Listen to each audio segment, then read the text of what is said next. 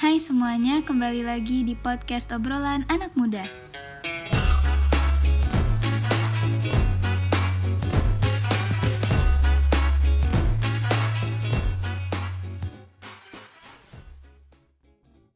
Hai semuanya. Hai semuanya. Um, pertama kita mau kenalin diri sendiri dulu. Uh, nama aku Leilani dari divisi Content Writer. Uh, nama aku Taskia dari divisi Creative Project. Hari ini kita mau ngomongin tentang Training 17 dan persiapan foto KTP. Iya, kayak jadi kita hari ini bakal ngomongin tentang apa aja sih yang perlu disiapin kalau misalnya kayak foto KTP atau mau birthday Ya. party, sama kita juga bakal ngomongin apa rasanya turning 17 yang dulu kita rasain. Gitu. Ya. Jadi mungkin bisa dimulai dari Taskia gimana rasanya uh, turning 17 sebelum pandemi. Karena aku tidak bisa. oh iya, eh, by the way for your info ini eh, aku tuh dulu sweet seventeen eh sweet seventeen turning seventeen maksudnya eh, itu sebelum pandemi itu sekitar eh, tiga tahun yang lalu mungkin kalau Feli baru-baru ini ya Fel? Iya, aku baru tahun lalu. Oh, oh Iya. Eh, nah kalau Feli ini kalau nggak salah pas waktu pandemi ya apa gimana?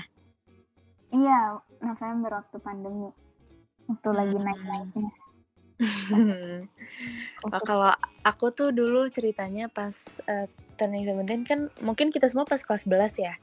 Nah, Iya. dulu tuh aku lagi zaman-zamannya kelas 11 itu tuh eh, kalau orang s- turning 17 tuh wajib banget ngadain sweet 17 lah istilahnya yang Iya. kayak bener-bener bisa setiap minggu lah ada orang ulang tahun terus Hmm. ada kayak eh ini ya kita mau ada undangan makan di di suatu tempat gitu pokoknya bi- bisa aja hampir setiap minggu atau setiap bulan misalnya ada aja yang ulang tahun ke-17 dan ngadain acara gitu. Jadi waktu pas aku turning 17 itu sebelum sebelum sekitar sebulan sebelum aku umur 17 itu aku ulang tahunnya Desember nih. Jadi dari mulai November ini aku udah kayak kepikiran gitu.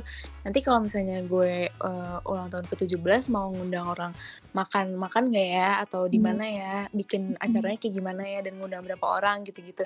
Jujur waktu pas aku di masa-masa itu bulan Novemberan itu aku agak kayak ngerasa pusing dan agak pressure gitu loh dengan uh, adanya ulang tahun ke-17 ini. Jadi kayak mikir aduh uh, lama-lama tuh kayak aduh ini gue ulang tahun tapi kenapa gue yang ribet kayak kayak Iya. semacam IO gitu loh kayak gue bikin Hmm. acara tapi intinya ya buat teman-teman gue tapi buat gue juga sih emang cuman waktu itu jadi kayak kebawa pusing kayak mesti mikirin kayak mau makan mau makan makan di mana terus mengundang siapa aja apalagi tuh waktu itu pressure-nya juga kalau misalnya punya teman misalnya ah, aku punya teman misalnya satu orang tapi kayak kalau aku mau ngundang dia aku harus ajak satu gengnya gitu biar nggak Oh. enak gitu Oh iya, iya, iya. kayak gitu terus ya akhirnya aku waktu itu uh, adain acara sweet seventeen kecil-kecilan gitu nggak uh, sebenarnya nggak nggak bisa dibilang terlalu kecil tapi nggak nggak terlalu besar juga. Kayak aku cuma ngundang sekitar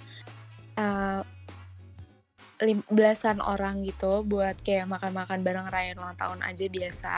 Sama uh, ya udah uh, in the end kayak pas aku udah udah umur 17 udah kayak pas hari H ulang tahun dan udah selesai acara itu kayak lega dan senang juga sekalian umur 17 gitu. Kayak dulu kan kayak predikatnya kalau 17 tuh udah legal gitu kan udah punya KTP udah Iya. dewasa gitu-gitu. Udah, udah keren dah. Ah, udah keren ya kayaknya. Nah kalau kamu sendiri gimana Vel pas pengalaman 17 tahun? Aku gimana ya biasa-biasa aja karena aku juga nggak aku nggak ngerayain cuman ngerayain kecil-kecilan cuman berapa orang ya waktu itu nggak sampai 10 orang.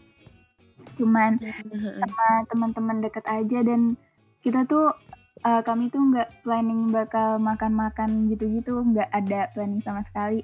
Which Mm-mm. sebenarnya nguntungin juga sih karena nggak perlu mikirin ribet-ribet kan harus acaranya harus gimana dan nggak perlu ngeluarin duit banyak juga buat pesta. Em, cuman waktu itu teman-teman aku ke rumah terus makan donat dan main main-main biasa aja kayak cerita-cerita gitu. Oh, makin special. Dan uh, tahun lalu kan ada banyak juga yang ngerayain secara offline ya kan yang tetap masih ngerayain Sweet Seventeen tetap ada acaranya dan lain-lain. Aku sebenarnya iri. Aku pengen aku pengen kayak gitu. Cuman ya sesuai situasi dan kondisi kayaknya juga nggak memungkinkan karena adik aku juga masih ada yang belum masih umur lima tahun. Jadi kayak nggak apa ya nggak aman gitu buat ngerayain Sweet Seventeen. Kayak teman-temanku yang lain yang masih bisa mengadakan pesta. Hmm, sedih tapi nggak apa deh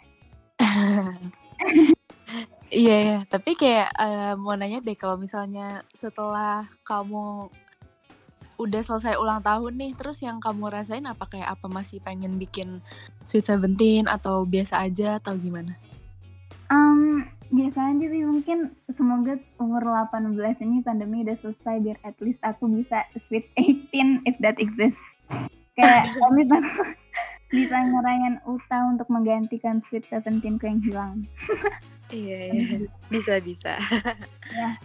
Karena kalau misalnya dari aku sendiri waktu pas aku selesai ulang tahun yang Sweet Seventeen yang aku- yang aku bilang undang orang-orang buat makan bareng itu kayak setelah beberapa minggu bisa dibilang tuh kayak aku mikir kayak lama-lama mikir gitu kayak kemarin ngapain juga ya kayak gue nge- gue Iya. ngerayain segitunya yang kayak sampai bikin acara yang bisa dibilang lumayan eh, lumayan ya kayak menguras kondisi dan tenaga sendiri gitu tapi eh, sebenarnya fun kayak it was fun tapi nggak necessary juga gitu loh Eh, which is why menurut aku sendiri kadang-kadang tuh orang terlalu glorify kalau kalau Sweet Seventeen tuh harus ini harus itu Iya. sebenarnya tuh tapi kayak itu cuma kadang cuma standar yang Standar yang orang-orang tuh pernah kita juga harus bisa gitu kan oh, kayak pengen juga. Iya benar banget. Terus Terus tapi down pengen sih. iya Iya. pengen ya tapi kemarin gimana sama teman-teman? Seru juga kan? Pasti kayak makan donat tadi terus Iya, seru sih. Kayak at least masih ada yang peduli dengan ulang tahun kayak ke-17 karena kan ada yang ada yang cuma lewat zoom gitu ngucapinnya terus ada yang eh, bahkan gak ngerayain sama sekali. Kayak temen-temen aku tuh masih pada bisa nyempetin ke rumah and I really appreciate that. Udah. Hmm, iya pasti Mungkin senang sih ya kayak ya. ulang ulang tahun Jadi- sama teman-teman terdekat. Kenapa? Ya, sorry. jadi agak agak lebih menghargai apa ya simplicity dan kesederhanaan gitu sih. Kayak nggak perlu pesta yang gede banget gitu untuk ngerayain Sweet Seventeen yang tetap memorable. Gitu Hmm, ya guys iya benar banget. Terus mungkin buat pendengar-pendengar podcast kita nih ya kalau misalnya sekarang lagi kayak mau turning seventeen terus kepikiran jadi mungkin kalau dari aku kayak uh, it's okay mau ngejalanin Sweet Seventeen dengan apa pun dengan cara kayak gimana pun mau sama keluarga aja atau mau ngajak teman makan-makan atau mau uh, kecil-kecilan bareng sama teman kayak tadi sekedar uh, makan makan biasa gitu itu menurut aku tuh nggak ada kayak standar yang harus dicapai gitu loh. Jadi ya kayak ya, benar it's okay gitu buat semua orang. Ya don't put pressure on yourself. Iya benar banget. Terus eh, mungkin lanjut ke kamu Vel kayak tips-tips KTP iya Aduh. boleh kayak gimana tuh pas kamu bikin KTP Oke. apa ya? sebenarnya tuh KTP aku agak ditunda kan harusnya KTP tuh at least eh seminggu setelah 17 tahun kan.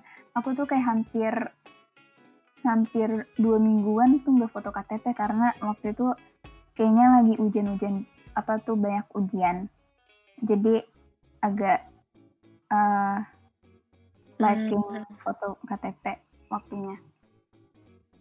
Um, aku aku foto KTP tuh sendiri karena mama aku bilang aku harus bisa foto KTP sendiri udah 17 tahun bla bla bla. Jadi aku nyiapin berkas-berkasnya sendiri paling kayak akte kelahiran kakak sama ijazah waktu itu aku nggak tahu kenapa dia minta ijazah tapi sama ijazah. Oh iya Ah. disuruh ijazah juga waktu itu. Iya, aku waktu itu disuruh ijazah. Kayak ribet banget. Oh, tapi waktu pas foto KTP-nya gitu-gitu datang langsung ke kantornya kan kantor Iya, kantor apa ya? Aku lupa Kelurahan. sorry. Kelurahan, iya. Iya dan ada juga trouble kemarin tuh nama aku ternyata di akte kelahiran sama kakak tuh agak beda dikit jadi kayak di akte kelahiran tuh nama aku lengkap sedangkan di kakak tuh kayak ada yang disingkat jadi aku harus ke kantor pusatnya lagi buat ganti kakak Wow, berarti emang agak ribet ya persiapannya. iya emang ribet banget jadi itu make sure kalian berkasnya tuh semuanya mirip namanya apalagi Hmm, iya. Em, terus Kenapa? ya? terus habis itu foto KTP foto KTP aku tuh sebenarnya agak aku nyaman sih karena nggak perlu ngantri dan nggak rame dan mas-mas fotografernya tuh bolehin aku ngulang bolehin aku ngulang foto sampai dua kali. Oh iya, kamu boleh ngulang foto waktu itu. iya boleh karena nggak ngantri. Karena nggak rame gitu jadi kayak mas-masnya tuh malah kayak nanya mau fo- mau foto ulang gak dek? Gitu. Terus aku kayak ya udah deh mas. Gitu baik banget. Baik banget. Terus gimana? Hasilnya udah kelihatan belum fotonya gimana? Iya hasilnya hasilnya tuh dikasih lihat setelah aku foto.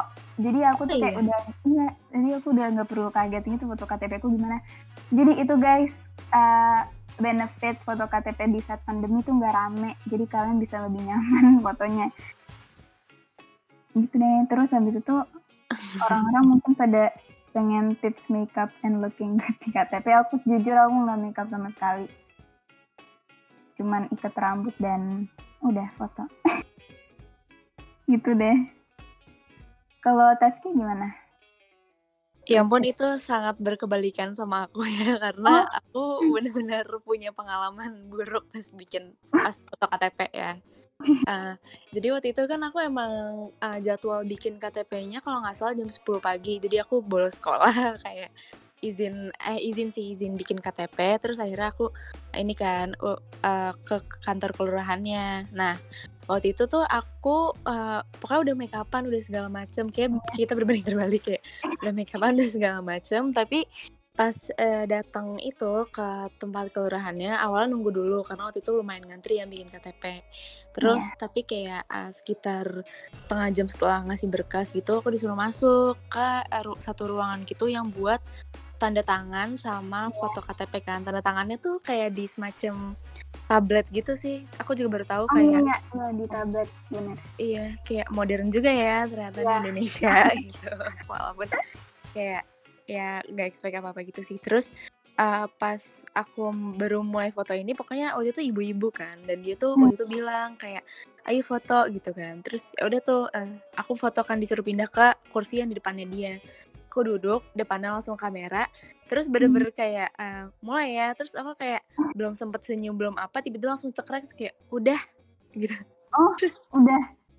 terus kata dia udah gitu kan terus aku kayak haha gitu kan kayak bingung gitu kayak ini belum siap apa-apa tapi tapi dia tuh udah cekrek gitu loh udah fotonya udah langsung dia ambil aja gitu terus aku kayak nanya bisa diulang lagi ka- lagi atau enggak terus katanya nggak bisa terus ah, jadinya hasil foto KTP ku tuh kayak nggak senyum sama sekali dan kayak agak ya agak nggak mau dilihat lagi ya pas udah jadi tuh kayak Tapi di situ rame nggak posisinya? Kelurahannya. Di situ nggak terlalu rame sih, cuman Oh, eh, waktu itu pokoknya tuh yang lagi mau foto KTP disuruh masuk satu-satu kan ke ruangan Iya. gitu. Cuman ya mungkin. Dan mungkin- itu posisinya bulan Desember kalau nggak salah kan aku ulang tahun. Desember kan. Jadi kayaknya emang lagi entah lagi karena. Heeh. Iya, lagi libur atau gimana lah, pada banyak yang foto KTP waktu itu. Hmm. Iya pokoknya kemarin tuh mas-mas kelurahan aku tuh baik banget. Like thank you. Karena foto KTP aku tuh kayak salah satu hal yang aku paling banggain di 2020 selain eh di surprisein sama teman. Eh salah, didatengin sama temen waktu ulang tahun. Itu deh jadi my KTP is not failing. Iya, boleh tuh Vel podcast ini di di dedek de- didedikasiin buat mas-mas Iya.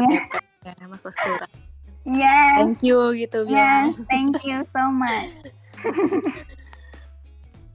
Nah, Oke. terus eh, kalau berkas-berkas yang di, perlu dipersiapin tuh apa ya? Selain kartu keluarga tadi ijazah ya kalau kamu. Iya, aku ijazah. Kamu apa aja? Kakak. Kalau aku waktu itu kalau nggak salah cuma kakak sama akta kelahiran kalau nggak Hmm. salah nih. Terus eh, kalau aku waktu itu sebulan jadi. Jadi aku nggak tahu sih sebenarnya jadinya cepat atau lambat, tapi aku baru ngambil ke situ lagi sebulan. Karena katanya waktu itu agak lama. Cuman aku dikasih yang Hmm. kayak resinya gitu kan, yang buat gantiin KTP. Oh iya, terus KTP aku tuh selesai cuman tiga hari. Nggak sampai Wow, seminggu. cepet banget. Iya. Kamu berapa hari tes? Nah itu aku nggak tahu kapan persisnya berapa hari, tapi aku baru bi- baru ke sana lagi tuh satu bulan dan tapi itu Oh. udah jadi. Aku tuh cuman tiga hari. Langsung di kayak disuruh ke sana. Ngambil Hmm. KTP. Cepet Oh. juga ya. Iya. Karena sepi mungkin. Iya. By the way, by the way, satu hal yang banyak orang nggak tahu tentang KTP, tentang foto KTP ya, merah dan birunya tuh diambil dari tanggal lahir kita, eh tahun lahir kita tahu. Jadi Serius? Iya, jadi kalau misalnya KTP yang backgroundnya merah itu berarti lahirnya di tahun ganjil kayak 2001, Oh. 2003. Nah, kalau Hmm. yang backgroundnya background warna biru itu yang lahirnya tahun genap 2000, 2004. Nah, Oh. karena aku ya aku lahir tahun 2000 nanti berarti background aku warna biru gitu. Oh iya, background aku warna merah. Kamu kamu tahun aku berapa? 2003. 2003 ya. Nah, iya dan itu tuh kayak surprisingly kalau aku ngomong ke teman-temanku juga tuh masih banyak yang belum tahu gitu loh Iya, kalau aku juga baru tahu. Iya, kalau KTP tuh backgroundnya tuh dari tahun kita genap atau ganjil. Iya. Wow, keren keren. Oh, terus eh, pose KTP gimana sih? Aku lihat mungkin orang-orang pada banyak tanya atau pada wondering foto KTP itu boleh senyum boleh senyum gigi atau enggak? Itu mungkin eh, tergantung fotografernya karena ada beberapa teman aku, ada beberapa teman aku yang foto giginya tuh kelihatan dan ada juga yang nggak boleh senyum. Jadi itu tergantung fotografer kelurahan kalian masing-masing. Semoga kelurahan kalian baik fotografernya. Iya, benar banget. Kayak semoga ya ke- ke- kelurahan kalian fotografernya nggak ada yang buru-buruin lagi. Tolong banget. Iya semua. Agak sedih ya foto KTP seumur hidup tapi kayak nggak nggak mau dilihat gitu. Foto KTP tuh boleh diganti tuh kalau misalnya rusak doang ya. Iya, waktu itu. Wah. Bahkan temanku sempat ada yang kayak kepikiran mau patahin KTP gitu Wah, supaya oh bisa bikin yang baru. Saking gak mau fotonya pakai yang itu katanya. Oh, oke oke. Nah ya itu tips biar bisa foto KTP lagi. Ya itu gitu. tips ya guys buat kalian-kalian yang mau nggak mau fotonya pakai yang foto yang kurang bagus gitu mungkin. Terus apa lagi ya mungkin soal KTP kalau dari aku sih mungkin itu aja karena aku Hmm, agak aja. udah agak-agak lupa sih soal KTP sebenarnya. Mm, Oh ya, mungkin buat kalian yang uh, memutuskan untuk pakai makeup, saranku jangan pakai highlighter, soalnya kan pakai flash fotonya. Jadi nanti tuh takutnya muka kalian nggak kelihatan. Jadi pakai simple makeup aja yang nggak apa ya, jangan yang kayak heavy gitu. Just Iya, make sure betul. your face is visible di foto di kartunya. Iya benar Iya. banget. Sama pastikan alis kalian simetris karena Iya.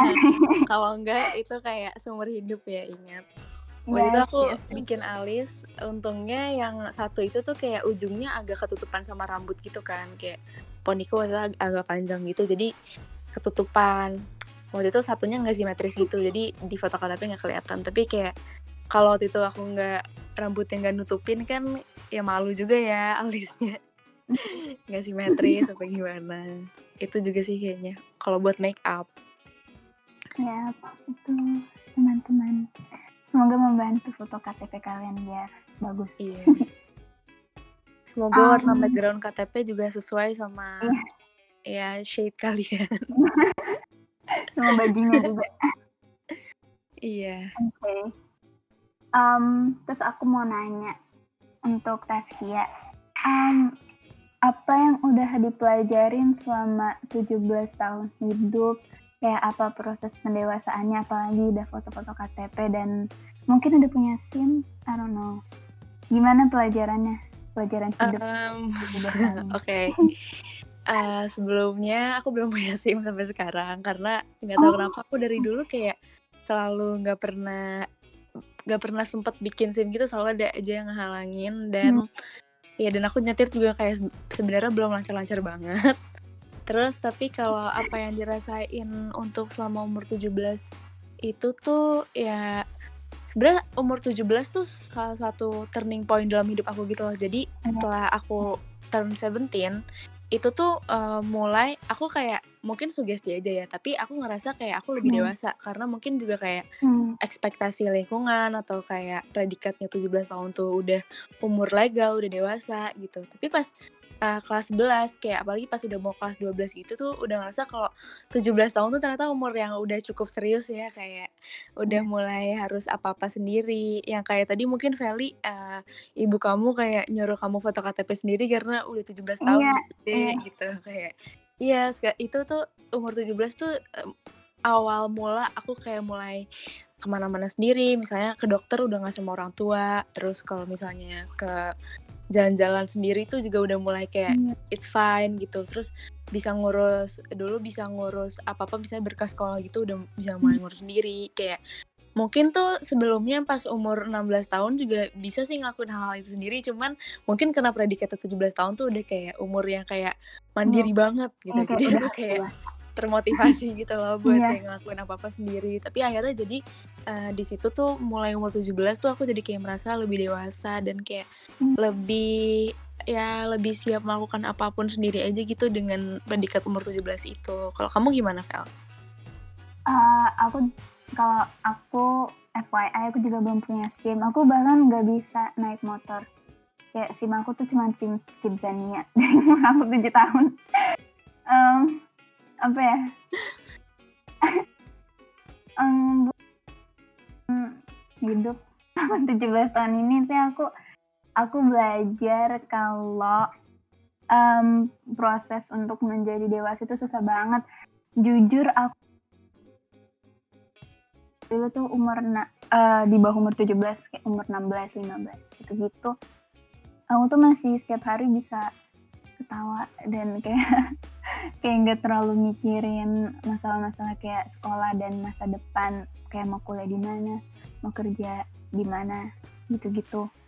Bahkan aku juga udah mulai mikir tentang kayak eh, apa ya keluarga aku gimana. Jadi kayak harus udah bisa udah bisa dewasa dalam berhubungan dan memilih sesuatu untuk diri sendiri.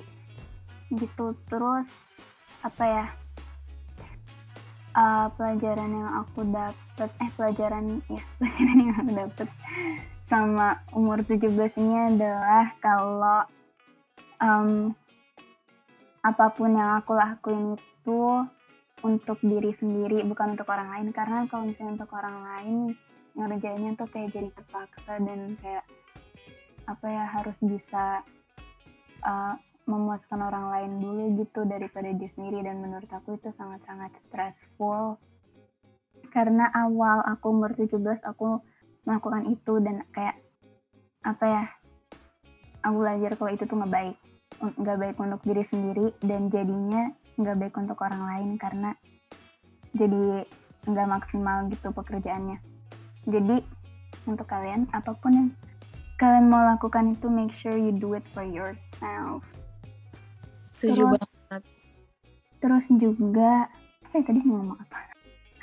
Terus juga eh, aku juga belajar ini sebenarnya agak deep sih dan agak sedih. Tapi em, apa ya yang hanya ada untuk kamu saat kamu jatuh dan sedih itu cuma diri kamu sendiri. Kayak kamu nggak bisa ngandelin orang lain untuk selalu ada untuk bantuin kamu kayak itu tuh nggak bisa diandelin. Jadi kamu cuma bisa andelin diri sendiri. That's why you have to be strong dan dewasa dalam um, memilih pilihan gitu. Kayak yang tadi aku bilang. Jadi pokoknya jangan sampai nyesahin diri sendiri aja gitu. Karena uh, umur 17 tahun sampai umur 20-an itu proses pendewasaan yang sangat sangat susah dan bakal banyak banget up and downs-nya. Jadi gitu harus lebih sama diri sendiri. Nggak kayak kalian waktu umur 16 atau 15 gitu. Itu deh. oh iya, bener banget. Setuju banget sama Feli. Kayak Iya itu tadi aku setuju sama poinnya yang ini sih terutama yang uh, kita tuh harus ngandelin diri sendiri terus kayak yeah. kalau misalnya ada apa pun tuh harus bisa ngandelin diri sendiri ya itu aku setuju banget sih itu kayak salah satu apa sih pencerahan di umur 17 juga yang dulu aku alami kayak yeah. kayak you only have yourself gitu yeah. terus ya sebenarnya sih di umur 17 tuh kalau dulu aku uh, lumayan banyak drama juga ya karena sekolah hmm. ya mungkin kayak drama pertemanan lah drama oh, iya, iya, bener-bener. itu drama keluarga mungkin tapi uh, ya karena baik lagi mungkin uh, umur 17 tuh bisa dikaitin sama udah awal mula proses pendewasaan hmm. gitu jadi uh, you will learn a lot kayak this year hmm. menurut aku jadi ya mungkin dinikmatin dan ya, dirasain prosesnya sampai dan yes. kayak penting banget tadi yang advice kamu itu buat uh, harus selalu ngandelin diri sendiri di setiap situasi Iya, pokoknya kalau misalnya umur 17 itu kalian udah bisa control yourself dan bisa lebih peduli sama diri sendiri tuh ke depannya pasti untuk proses pendewasaan yang selanjutnya kalian udah bisa nikmatin dan udah tahu gimana cara solusi untuk masalah yang akan kalian hadapi gitu. Jadi benar-benar nikmatin aja proses ini.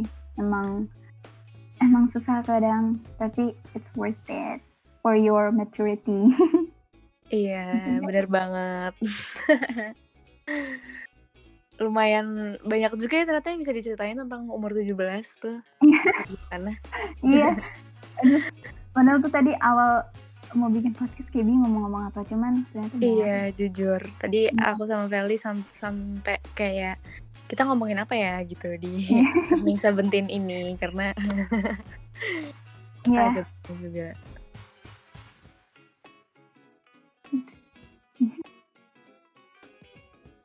Tapi ya overall mungkin dari aku sih tentang umur tuh turning 17 tentang umur 17 hmm. terus tentang tadi birthday party gitu-gitu dan persiapan KTP lah sebenarnya semuanya itu nggak terlalu perlu dipusingin sih kayak iya, tadi benar. mau bikin birthday party kayak aku lah mesti cari mesti kayak mikir-mikirin dulu hamin sebulan sebelum ulang mm -hmm. tahun gitu tapi kayak sebenarnya uh, in the end it's all not really necessary gitu jadi kayak hmm.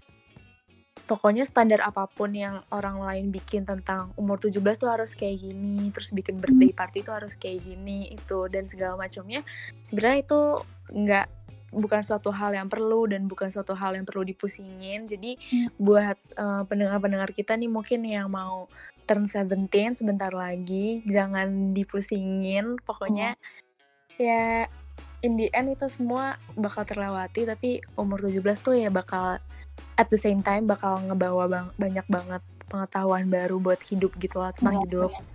jadi kayak ya dijalanin aja mungkin. Jadi bisa aku simpulin ya. Kalau iya. umur 17 tahun itu you don't have to pressure yourself. Kalau misalnya kalian tidak nyaman untuk uh, ngundang orang ke pesta 17 tahunmu ya nggak apa-apa gitu. Kayak nggak jangan terlalu neken diri sendiri untuk jadi kayak orang lain. Terus kedua juga uh, nikmatin aja proses menjadi dewasa pada umur 17 karena itu sangat-sangat penting bagi kepribadian kita semua agar bisa menjadi warga negara Indonesia yang berguna. gitu. Iya bener banget. Yang penting ya dari umur 17 itu bisa terus improve diri sendiri gak sih Vel? Ya, harus terus belajar. Iya. Mungkin segitu aja dari obrolan kita tentang Turning Seventeen dan tips KTP. Kalau dari Feli ada yang mau tambahin gak, Fel? Aku juga udah sih, kayaknya itu aja. Oke, lumayan banyak juga yang tadi udah kita bahas Iya. ya dari persiapan birthday party, dari after effect birthday party, terus Yap, eh, tips KTP dan apa yang kita pelajarin dari umur 17. Semoga yang dengerin podcast kita nggak pada bosen ya sama omongan Iya, kita. semoga tadi. bisa berguna juga. Iya, teman-teman. semoga dapet tips-tips juga nih kayak kalau fotografer kelurahan ini gimana, kelurahan ini gimana gitu. Ya, bener banget. Iya. Mungkin kita tutup kali Vel podcastnya. Iya, boleh, boleh. Em, terima kasih buat teman-teman yang udah dengerin podcast kami pada uh, hari ini. Semoga bisa bermanfaat untuk kita semua dan bisa menjadi berkat untuk yang mendengarkan. Dadah! Bye semua.